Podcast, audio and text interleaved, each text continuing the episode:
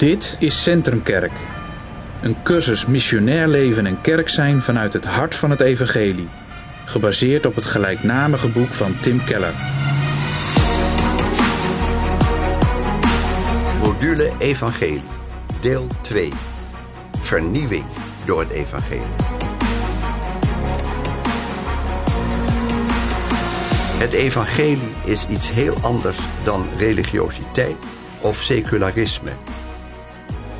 Het is een derde manier om een relatie met God te hebben, namelijk genade. Daarom verkondigen wij het evangelie op een unieke, evenwichtige manier, waarbij de fouten van de uitersten worden vermeden en de scherpte van het evangelie getrouw wordt overgebracht. 6. Hoe werkt vernieuwing door het evangelie?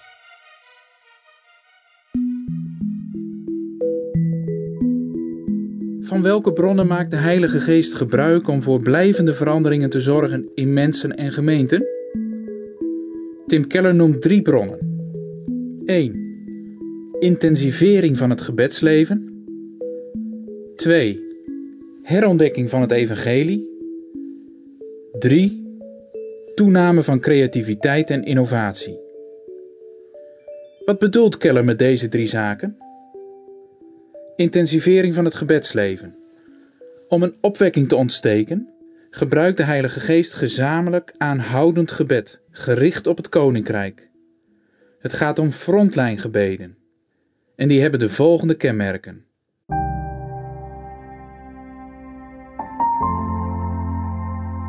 Eén. Smeken om de genade dat zonden beleden worden en mensen zich verootmoedigen. 2 hartstochtelijk verlangen naar bloei van de kerk en het bereiken van buitenstaanders. En drie, een diep verlangen om God te kennen, Hem te ontmoeten en een glimp van Zijn glorie op te vangen. 2. Herontdekking van het Evangelie. Nadruk op wedergeboorte en redding door genade alleen.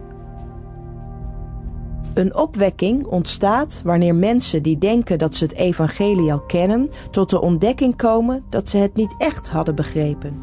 Als ze het evangelie dan omarmen, zetten ze de stap naar een levend geloof. Vrijzinnigheid en dode orthodoxie zijn beide de dood in de pot.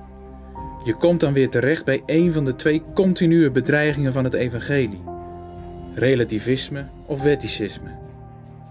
Als het evangelie wordt herontdekt, worden naamchristenen bekeerd, passieve, zwakke christenen weer sterk en krijgen niet-gelovigen belangstelling voor de christelijke gemeente die zo aantrekkelijk geworden is. In de kerkdienst merk je dat er een nieuw besef ontstaat van de realiteit van God. Je merkt dat de belangstelling voor een uitleg van de Bijbelse theologie toeneemt. Barrières die relaties belemmerden worden afgebroken waardoor er een diepgaander besef van gemeenschap met anderen ontstaat. En mensen veranderen door het evangelie. Ze worden nederig, voelen zich geliefd, worden evangelisten in hun persoonlijke omgeving, krijgen aandacht voor het bestrijden van armoede en onrechtvaardigheid, offeren zichzelf op voor hun buren, de armen, de samenleving en de stad. Zo hebben deze veranderingen uiteindelijk een groot effect op de cultuur impact op de kunsten, het zakenleven, bestuur, media en wetenschap. 3.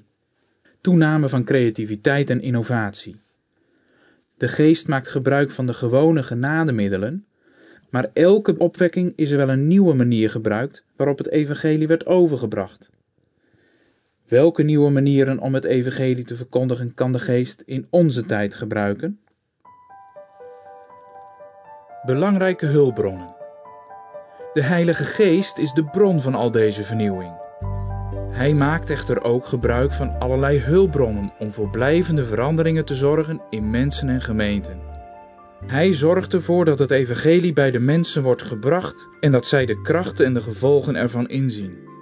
Tim Keller somt een aantal belangrijke hulpbronnen op.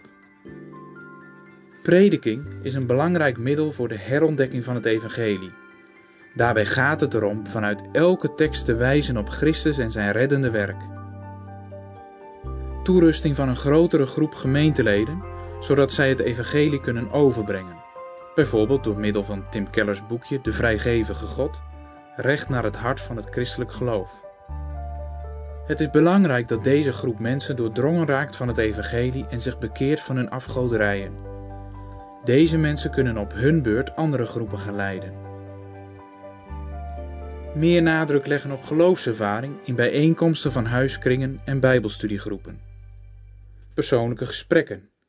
Als een christen vertelt hoe het evangelie hem of haar heeft geraakt en radicaal heeft veranderd, kunnen de hoorders concrete vragen stellen en aangemoedigd worden zelf ook geestelijk te groeien. Er ontstaat een sfeer van geestelijk verlangen en verwachting in de gemeente. Toerusting van voorgangers, ouderlingen en andere leiders in de kerk, zodat ze weten hoe ze het evangelie moeten gebruiken om de harten van mensen te bereiken en zowel wetticisme als wetteloosheid uit te bannen.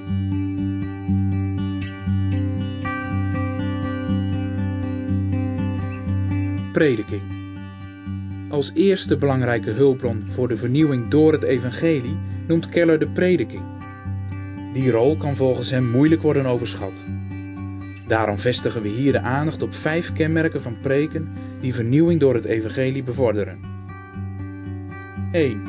Leg het verschil uit tussen religiositeit, secularisme en het evangelie. Bekritiseer zowel religie als relativisme en ga in op het kernprobleem van de afgoderij, zodat luisteraars onder het niveau van het gedrag kijken naar de drijfveren van hun hart. 2. Preek over zowel Gods heiligheid als Gods liefde om de rijkdom van Zijn genade over te brengen. Jezus was zo heilig dat Hij voor ons moest sterven. Zijn heilige en rechtvaardige natuur verdraagt niets minder. Maar Jezus' liefde was ook zo groot dat Hij graag voor ons wilde sterven. 3. Maak de waarheid duidelijk, maar ook concreet. Als de genade en pracht van Christus ons hart werkelijk raakt, leidt dat tot concrete verandering.